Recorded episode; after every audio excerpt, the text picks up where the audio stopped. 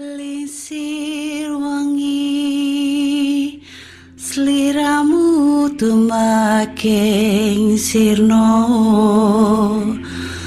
Ojo tangingkan muguling Awas jok ngetoro. Aku lagi bang wingo wingo. Jin setan tak utusi Dudio sembarang layu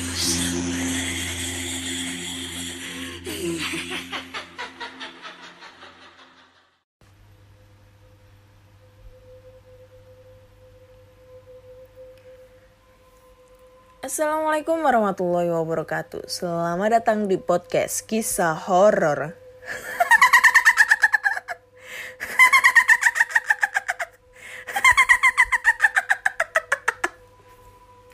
Ketemu lagi dengan aku Ana di sini akan membacakan cerita horor ataupun email berhantu yang sudah di sudah dikirimkan teman-teman melalui podcast kisah horor at gmail.com ataupun di DM Instagram podcast kisah horor serta eh, Google Form yang linknya tersedia di bio Instagram podcast kisah horor. Berjumpa lagi di episode 99 99 99 ya Aduh, mendekati episode 100 nih, bakal ada apa ya, bakal ada kejutan apa. Yang pastinya nanti di setelah episode 100 akan ada eh podcast kisah horor yang baru ya. Nah, nantikan itu di setelah episode 100. Apa itu yang baru? Entah itu hmm, tampilan yang baru atau mungkin suara yang baru atau mungkin pembawaan yang baru ya nantikan aja deh. Ya bakal ada apa gitu. Aduh penasaran nih. Jadi deg-degan gitu ya guys. Oke langsung aja ya kita bacakan cerita-cerita horor yang sudah dikirimkan teman-teman ya karena udah menumpuk banyak. Jadi kewajibannya Mbak Ana ini atau Miss Ana Miss Kun Ana ya membacakan cerita horor oke. Gila ya aku hari ini anjir lah. Kenapa ya? Hmm.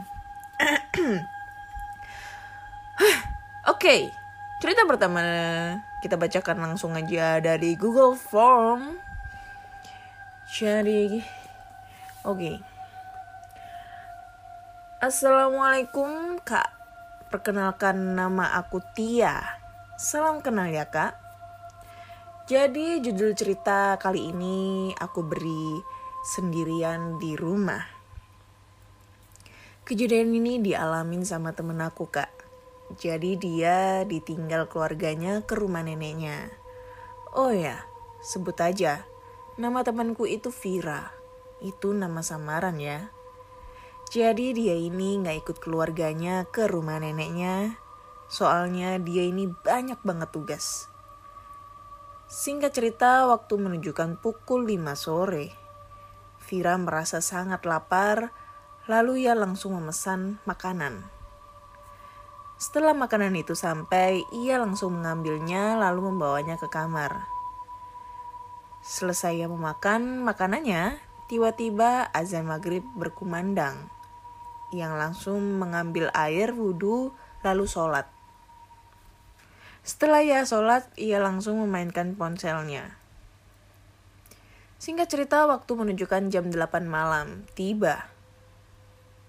Tok tok, suara ketukan pintu terdengar. Vira, ini mama. Tanpa pikir panjang, Vira langsung menuju pintu.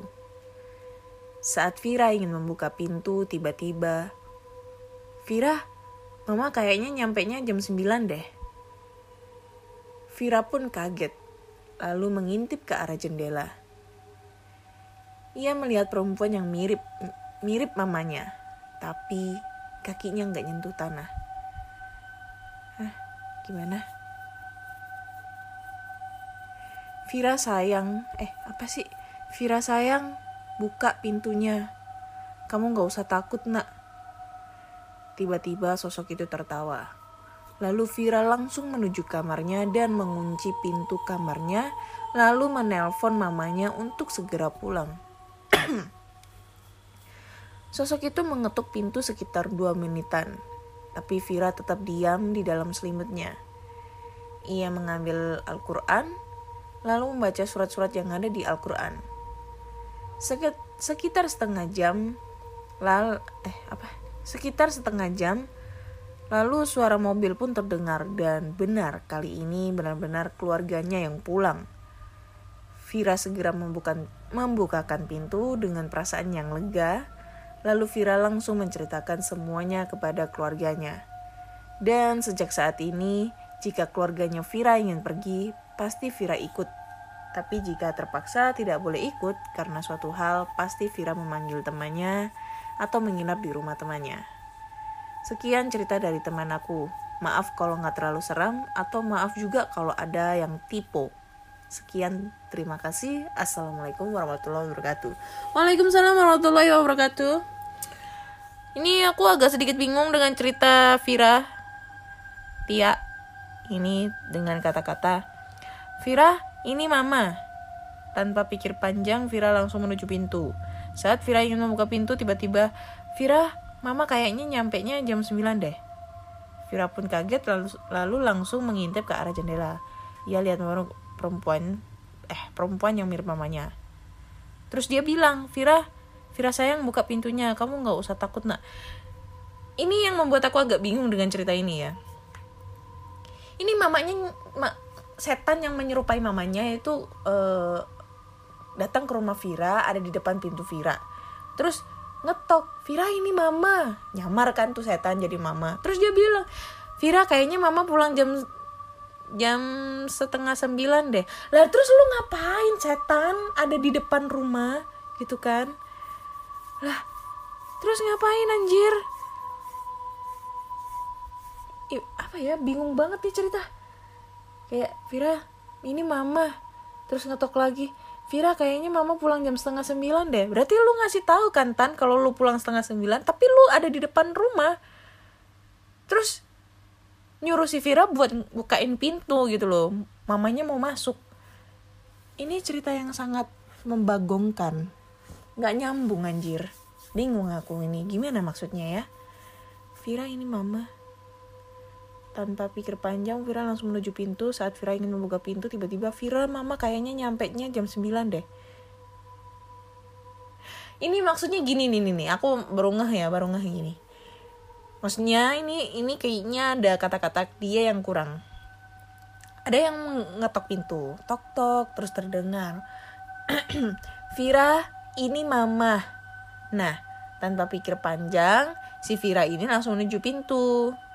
Saat Vira ingin membuka pintu, tiba-tiba mungkin ini Vira dapat WhatsApp atau mungkin uh, ada pesan singkat SMS atau apa lain atau telepon yang uh, pesan itu dari mamanya, mama aslinya. Terus dia tuh ngasih tahu kayak bilang, Vira, mama kayaknya pulangnya jam setengah sembilan deh, gitu nyampe rumah jam setengah sembilan.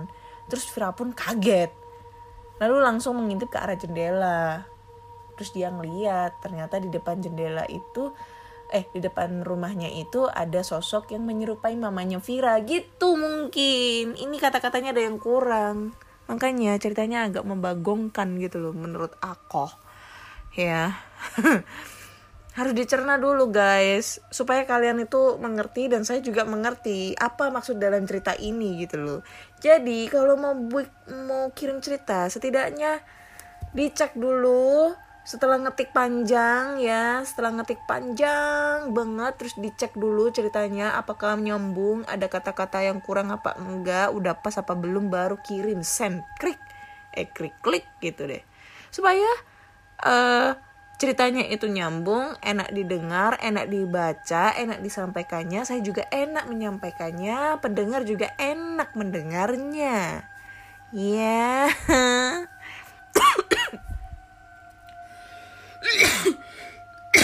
Kon pengek. Mohon maaf guys. Pengek terus ini ya. Oke. Okay. Vira, kita next ke cerita berikutnya. Kita tinggalkan cerita tentang si Vira ini ya. Vira Rara, Rara Vira Rara.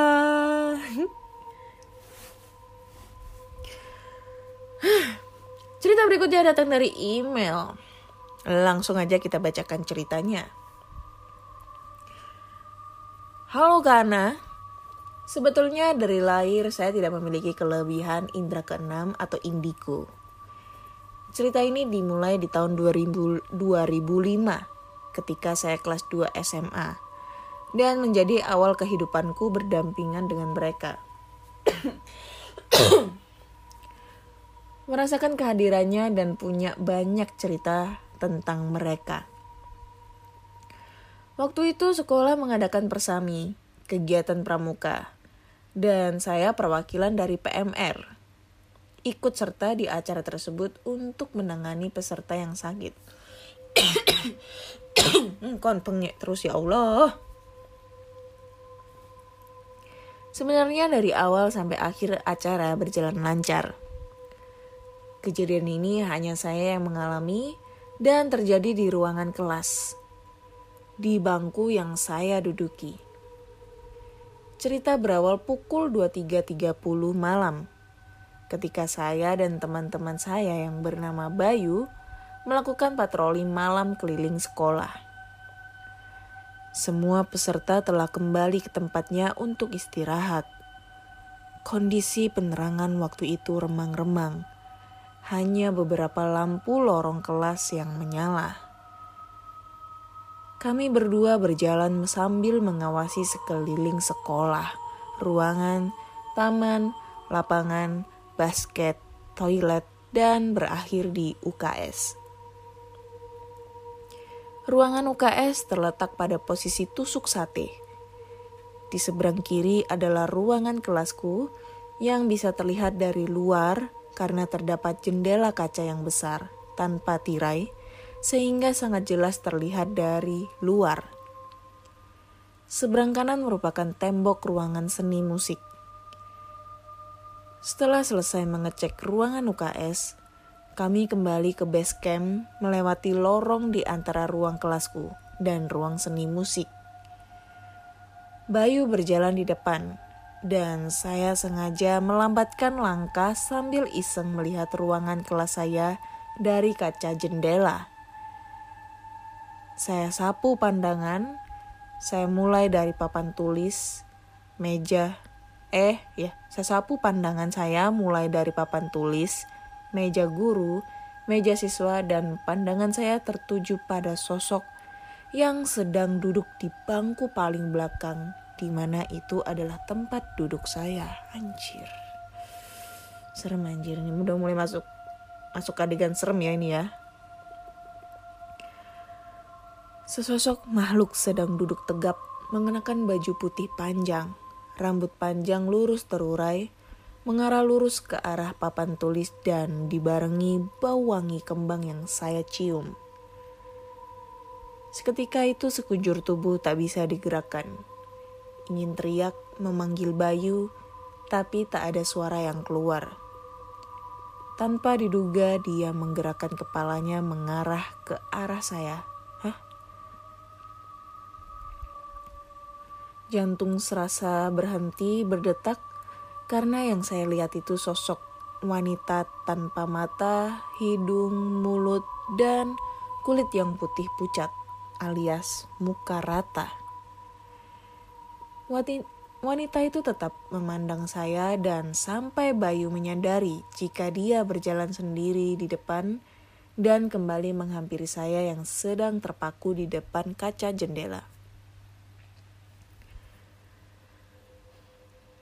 Seketika itu pula wanita muka rata itu hilang dan saya bisa bergerak dan berbicara.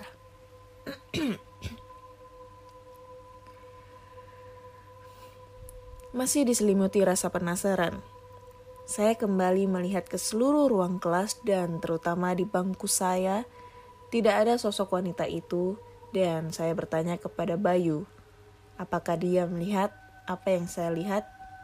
Jawabannya tidak. Mengetahui hal kurang baik Bayu mengajak pergi meninggalkan tempat tersebut dan mengajak saya ke base camp.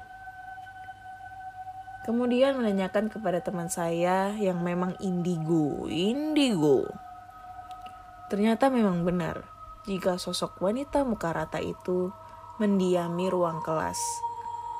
Setelah kejadian itu, banyak hal yang saya alami yang berkaitan dengan dunia lain dan saya akan ceritakan di kesempatan berikutnya. Thank you Kak Ana sudah dibacakan. Mohon maaf jika kurang seram ceritanya. Oke, okay, thank you ceritanya ya. Buat yang no name, karena tidak mau disebutkan namanya ya India.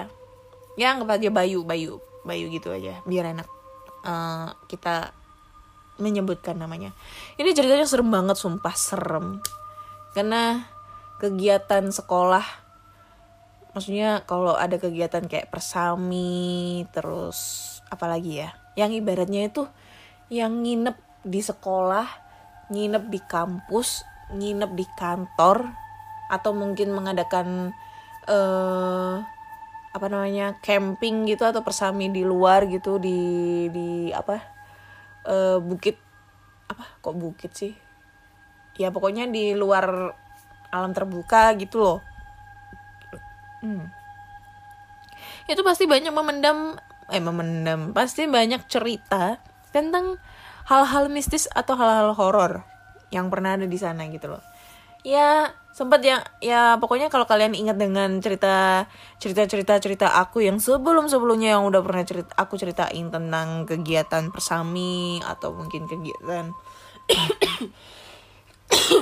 sorry guys atau mungkin kegiatan pondok Ramadan gitu kan yang sampai malam tengah malam atau mungkin uh, lembur di kantor sendirian. Aduh sumpah itu gak bisa gue bayangin karena kalau seandainya itu terjadi sama aku kayak gimana ya? Tapi kalau kegiatan-kegiatan yang sekiranya menginap di sekolah persami atau mungkin apa pun itu itu aku pernah ngalamin sih. Tapi bukan aku ya maksudnya uh, itu terjadi pada saat itu aku berada di kegiatan tersebut kayak gitu loh. Maksudnya aku berada di kegiatan tersebut tapi yang mengalaminya itu temen aku. Jadi temen aku tuh kesurupan gitu loh guys pada saat uh, kegiatan jurit malam kayak gitu. Jadi pernah kita itu ada kegiatan jurit malam itu kegiatan apa ya dulu tuh? Waktu kuliah deh kayaknya waktu kuliah kita ada kegiatan gitu loh uh, biasalah apa namanya uh, kalau kita tuh apa ya ospek gitu loh model kayak ospek cuma kita tidur disuruh tidur di kampus gitu disuruh tidur di kampus. Nah posisi kampus kita fakultas kita aduh sorry banget bang posisi ruangan fakultas kita tuh ada yang di belakang sendiri dekat sawah-sawah gitu kan. Terus ada kegiatan persami eh persami? Ada kegiatan jerit malam. Nah jerit malam itu kebetulan senior senior ini ada dua kegiatan ya. Pertama itu kegiatan waktu di kampus kedua kegiatan waktu di situ situ Bondo Pasir Putih. Nah yang pertama itu yang di kampus ya. Kalau di kampus itu memang senior senior itu ada ada ke apa ya kayak sembunyi sembunyi atau bikin pos pos-pos gitu. Itu di area belakang kampus belakang fakultas gitu kan. Gedung fakultas. Nah di gedung belakang gedung fakultas itu sawah-sawah gitu loh sawahnya orang gitu. Jadi mereka tuh diem di sana gitu. Pada saat uh, teman aku datang ke pos berapa ya dulu itu? Pos 3 atau pos 4 gitu loh nah itu posisinya itu ada di tengah sawah yang jaraknya dari gedung fakultas kita itu sekitar 10 sampai 15 meter dari dari gedung fakultas. Nah, itu. Itu kalau nggak salah memang katanya itu uh, sebenarnya tuh seniorku ada salah satu seniorku tuh mau mau dandan ala ala kuntilanak gitu mau dandan dandan ala ala kuntilanak nah pas temanku nyampe sana nyampe pos itu nggak ada orang. Jadi dia itu ketinggalan rombongan lain gitu loh. Dia di belakang sendiri terus dia nyampe di pos itu. Pas nyampe di pos itu tuh gak ada orang. Tiba-tiba eh, ada putih-putih tuh. Putih-putih eh, apa namanya? Kayak kuntilanak gitu loh modelnya. Itu duduk di bawah pohon pisang. Karena di situ ada pohon pisang itu di kayak kalian tahu gak sih sawah yang biasanya ada jalan kecil yang khusus untuk jalannya eh, petani-petani yang dari tanah gitu gundukan tanah. Nah di situ ada pohon pisang di situ. Nah itu ada ada kuntilanak yang duduk di situ di bawah pohon pisang. Nah temenku tuh ngiranya ya ya udah seniorku yang yang apa namanya yang ibaratnya tugasnya buat nakut-nakutin. Lewat dong dia. Lewat aja di depannya lewat sampai nginjek kainnya si kuntilanak itu. Panjang kan sampai di bawah. Jadi dia duduk di gundukan itu dia dia lewat di bawahnya turun di bawah sawahnya terus dia naik lagi dan itu nginjek sempet nginjek kainnya gitu. Nah pas dia nginjek eh pas dia udah lewat nggak taunya posnya itu ada di depannya. Nah pas di depannya itu udah kumpul kumpul teman-temannya satu kelompok. Nah pas sudah kumpul teman-temannya satu kelompok jadi aku posisinya itu udah selesai kegiatan guys.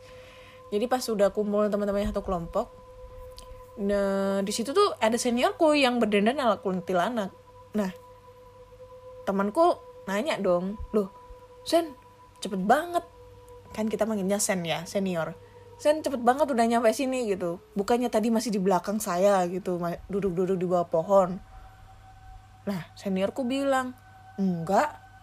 Saya aja baru di sini baru ini nginterogasi teman-temanmu ini di sini gituin kan. Karena posisinya dia sendirian. Maksudnya yang jaga pos sendirian gitu loh. Enggak kok, saya loh tadi lewat di sana ada eh, ini orang yang pakai kostum kuntilanak. Saya kira senior. Apa mungkin ada ini ada dua sen yang dandan-dandan ala kuntilanak digituin. Terus kata senior saya, enggak cuma saya sendiri yang dandan kayak gini. Mana temanmu ada yang lihat emangnya? Nggak ada. Nah teman-teman saya bilang, iya nggak nggak lihat nggak lihat. Nggak taunya itu double bro. Udah double, gak lama kemudian yang ada di yang udah selesai itu yang udah selesai kegiatan yang udah kumpul di tengah lapangan di depan gedung fakultas itu pada teriak-teriak kesurupan massal anjing nggak? Untungnya aku nggak ikut. Maksudnya aku nggak ikut kesurupan tapi posisinya aku ada di situ ada di duduk di tengah lapangan situ ngeliatin teman-teman aku pada kesurupan. Dan akhirnya selesai deh kegiatannya. Seru sih ada cerita cerita di balik keserupan teman-teman pada saat jerit malam gitu loh. Maksudnya punya pengalaman gitu loh ya. Gitu. Mungkin dari kalian semua pernah mengalami kayak gitu? Ya kirim-kirim ceritanya ya. Kirim ceritanya di podcast kisah horor at gmail.com Oke, kita next ke cerita berikutnya.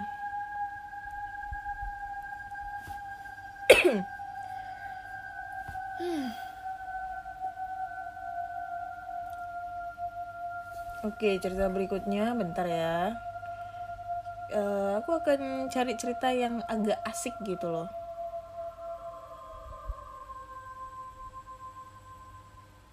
Oke, ini aja ya. Oke, cerita berikutnya. Selesai tamat sekolah SMP, aku ingin melanjutkan lagi ke jenjang SMA. Tapi sayang banget, orang tuaku termasuk golongan tak mampu. Akhirnya aku tunda dulu untuk masuk SMA dan cari pekerjaan. Pertama aku kerja di Surabaya, di sebuah kafe 24 jam, tapi cuma seminggu karena ada masalah dengan karyawan lain. Sebulan di rumah aku ditawari kerjaan tetanggaku yang punya anak yang sudah menetap di Ponorogo. Tepatnya ker- tepatnya kerja di sebuah peternakan ayam potong. Karena yang berhubungan dengan unggas itu memang kesukaanku, aku sanggupi untuk bekerja di sana. Singkat cerita, aku sudah berada di Ponorogo, tepatnya di Sampung, Carang Rejo. Peternakannya besar sekali karena gabung dengan penggilingan padi serta gudang serta gudang. tapi entah gudang untuk apa dan dibagi dua area. Awal aku datang, sudah merasa nyaman sekali, meski lokasinya sangat menyeramkan yang jauh dari perkampungan. Seminggu aku bekerja, mulai ada sesuatu yang ganjil. Tiap nunggu ayam seperti ada yang memperhatikan. Aku merasa ada sesuatu yang ingin mengajak berinteraksi. Puncaknya, malam itu aku berdua menunggu bersama Mas Parwi, nama sebenarnya. Di saat kami tidur terlelap, aku bermimpi ada semacam fata morgana yang membentuk anak kecil botak. Dalam mimpiku, anak tersebut menggelitik tanganku, aku pun membalasnya. Anjay. Tiba-tiba dia memegang tanganku dengan kuat dan seolah ingin menarikku ke kolam. Sekedar diketahui, kandang ayam di area 2 ada kolam yang rencananya akan diisi ikan lele. Tapi tidak jadi, padahal airnya sudah hampir penuh secara alami. Dan yang membuat aku terkejut dan terbangun dari tidurku adalah tangan anak itu dingin banget, lebih dingin dari es batu. Hingga aku terbangun dari tidur, dibuat aku terkejut kedua kalinya dalam keadaan terlentang dan mata sudah terbuka. Aku lihat ada tangan yang besar mencengkram kedua tangan dan kakiku seolah-olah ingin mengangkat mengangkatku. Aku berusaha meronta. Makin aku meronta, cengkramannya makin kuat dan rasanya aku sudah tidak punya tenaga. Di saat aku berusaha meronta, eh, di saat aku lemas, cengkramannya terasa longgar. Dalam hati aku berusaha tenang dan pura-pura lemas. Di saat cengkraman lebih longgar, mendadak aku meronta kuat.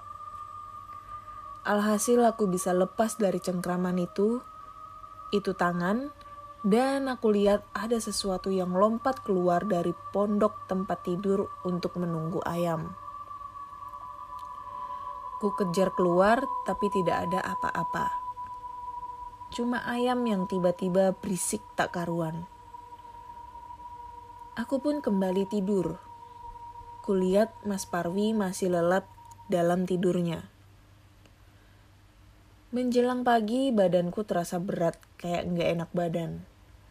Aku pikir aku sakit. Selesai memberi makan dan kasih susu para ayam, aku mandi. Wanjay, ayam dikasih susu ya.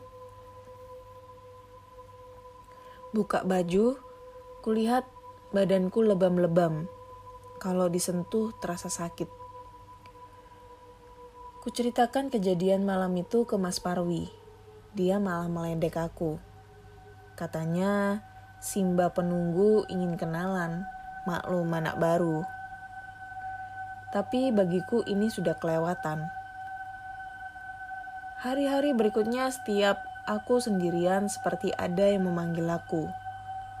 Kadang seperti suara Mas Parwi, kadang suara teman sekerjaku, pokoknya suara orang yang aku kenal. Dan yang lebih parah, meniru suara bapakku. Padahal ini tempat kerjaku jauh dari tanah kelahiranku. Mana mungkin ada bapak? Selama seminggu, aku mendapat panggilan-panggilan yang tak tahu sumbernya. Seminggu berikutnya, seperti ada yang mengikuti aku dari belakang mencoba mencelakaiku. Pernah sehabis memberi makan ayam, karena posisi kandang dibuat tingkat, aku turun tangga. Eh, aku aku turun tangga kandang. Tiba-tiba ada yang mendorong dari belakang. Untung aku cepet-cepet berpegangan besi yang di pinggir tangga. Aku jadinya terpelanting dan menggantung di tangga memakai satu tangan. Di lain hari, waktu naik tangga, bawa makanan ayam, kakiku ditarik dari bawah. Aku terjatuh dan makanan ayamnya tumpah semua. Saat mandi pakai air langsung dari keran, tiba-tiba listrik mati. Begitu aku cek meterannya, nggak ada masalah. Padahal listrik di kampung kanan kiri nggak ada yang mati.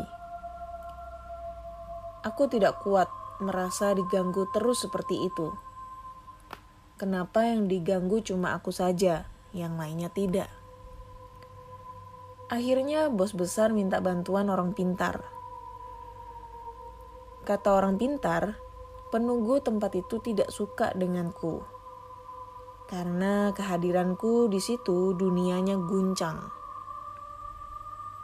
Anak kecil, anak kecil yang dalam mimpiku itu adalah anak manusia yang diculik penghuni situ beberapa tahun yang lalu. Dan aku yang bisa membebaskannya. What the fuck? Entah bagaimana caranya. Tapi aku sendiri nggak tahu. Disuruh orang pintar tersebut menunjuk kira-kira tempat mana yang aku rasakan anak itu berada. Aku merasa dia di, di bawah pohon mangga yang dirambati sayur kecipir. Meski tidak tampak, tapi aku bisa merasakan keadaan anak itu. Leher, kedua tangan, dan kakinya terbelenggu besi hitam yang saling dikaitkan dengan rantai yang dihubungkan ke tiang besi. Di atasnya hanya ada payung yang sudah usang. Aku menangis saat itu. Tega sekali makhluk jahanam di situ. Uh, mana lagi nih? Juga aku juga buat aku jadi takut. Takut aku mengalami hal yang sama dengan anak itu. Orang pintar itu meyakinkan aku tidak boleh takut karena kalau aku takut, dia akan menggangguku terus. Tapi kalau aku berani, dia akan bisa mencelakaiku. Dia juga bilang secara kasat mata, aku memang cacat. Di dunia manusia mungkin aku lemah, tapi di alam gaib mereka tak bisa menyentuhku. Itu itulah sebabnya sejak kedatanganku di sana membuat dunia mereka guncang. Setelah kejadian-kejadian yang aku alami, aku jadi terbiasa seperti makananku sehari-hari. Kadang aku ke bawah pohon mangga di mana anak kecil dirantai, berbicara sendiri.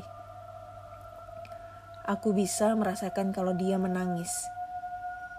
Aku pun betah berlama-lama di situ menemaninya. Tapi ada hawa yang jahat juga di situ, mungkin yang menculik anak itu.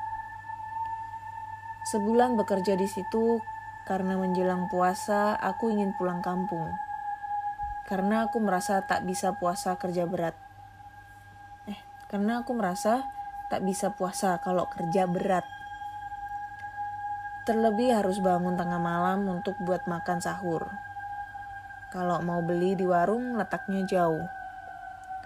Singkat cerita, seminggu aku di kampung dapat kabar dari temanku bekerja penghuni gaibnya marah dengan merobohkan pagar tembok yang tingginya 2,5 meter, tebalnya 30 cm, dan memakan korban lima orang warga kampung yang semuanya mati di tempat. Anjir, serem.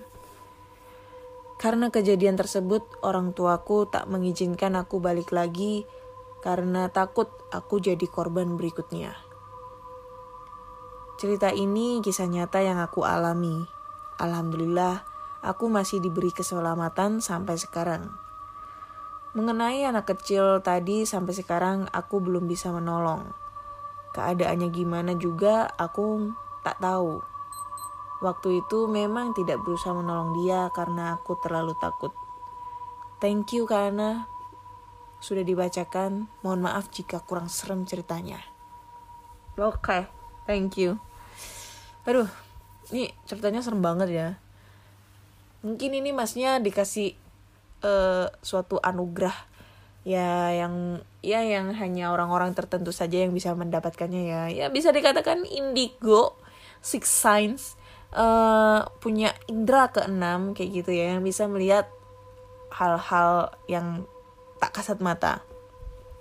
Dan di Ponorogo itu memang terkenal dengan hal-hal mistisnya ya. Ponorogo, Probolinggo, Banyuwangi, terus mana lagi ya? Lamongan, terus mana lagi? Jember. Kalau di Jawa Timur lo ya. Terus itu aja sih setauku ya. Ponorogo, Lamongan, Jember, Banyuwangi, terus mana lagi tadi? Itu. Probolinggo. Nah, itu. Itu yang lima kota ini yang di Jawa Timur yang terkenal dengan hal-hal mistisnya. Yang paling terkenal itu Banyuwangi. Di mana-mana Banyuwangi yang paling terkenal dengan adanya mohon maaf dukun. Karena memang di Banyuwangi tersebut daerah Banyuwangi kalau nggak salah ya pernah ada berita kasus dukun santet yang dibakar hidup-hidup sama dukun yang mencabuli atau mungkin yang membunuh apa ya memutilasi korbannya gitu loh. Pernah ada berita gitu loh aku lupa tahun berapa ya. Pokoknya ada gitu loh di Banyuwangi cerita tentang dukun yang di dibunuh sama warga sekitar loh. Coba ya, kita cek ya di Google. Karena memang sumber aku dari Google gitu loh. Di Banyuwangi. Lupa aku. Oh ini kasus dukun santet di Banyuwangi. Pembantaian tahun 98 adalah peristiwa pembantaian terhadap orang yang diduga melakukan praktik ilmu hitam, santet atau tenung yang terjadi di Banyuwangi, Jawa Timur pada kurun waktu Februari hingga September 98 nih. Ini ada guys, memang ada ceritanya di sana. Jadi memang uh, apa ya? Di sana itu terkenal dengan banyaknya mohon maaf dukun santet ya ini. Ada guys 98 nih. Coba ya. Kita baca sekilas uh, beritanya.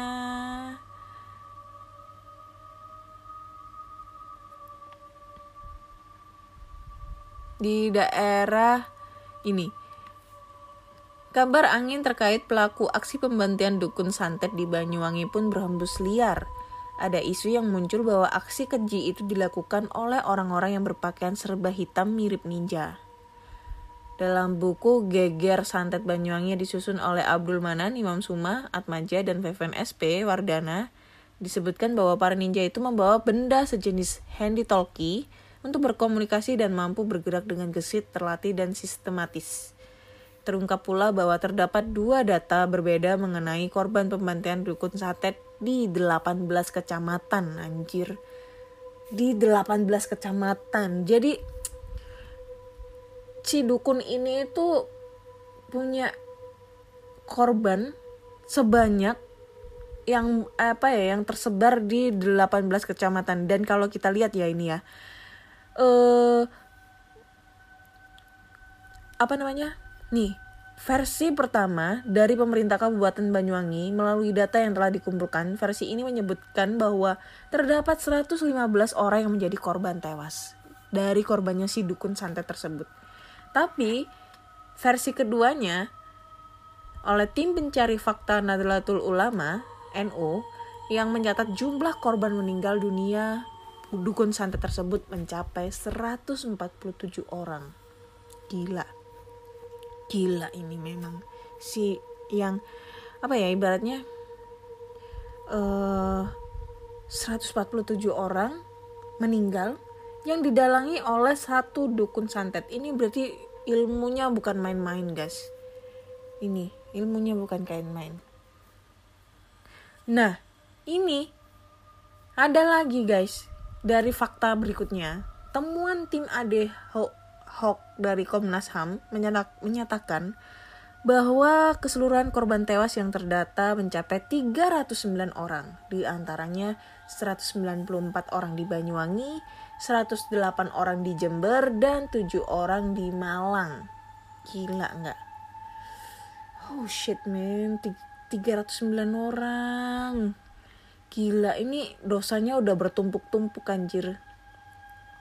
Ini kayaknya pernah dijadiin film kalau nggak salah ya. Dan ini kejadiannya memang tahun 98 aku pernah denger ini. Ini zaman zamannya reformasi ya zaman zamannya Soeharto lengser ini.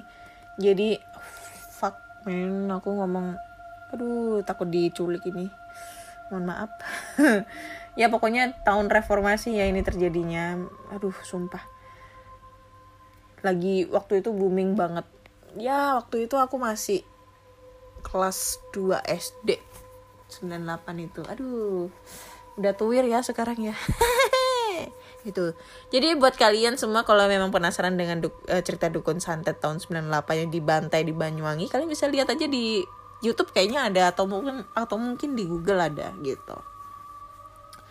Untuk kembali lagi ke ceritanya masnya ini ya menurutku serem banget emang. Dan mungkin ya mungkin uh, ini memang memang penunggu asli di sana. Maksudnya dalam arti setan-setannya ini memang penunggu asli di lokasi kandang tersebut ya. Yang memang sudah mendiami kalau nggak gitu ya ya walau mohon maaf mungkin yang ini ya uh, ibaratnya kayak siapa itu kayak pesugihan ya. Kayak pesugihannya sih yang punya kandang ini gitu loh. Ya kita nggak tahu ya.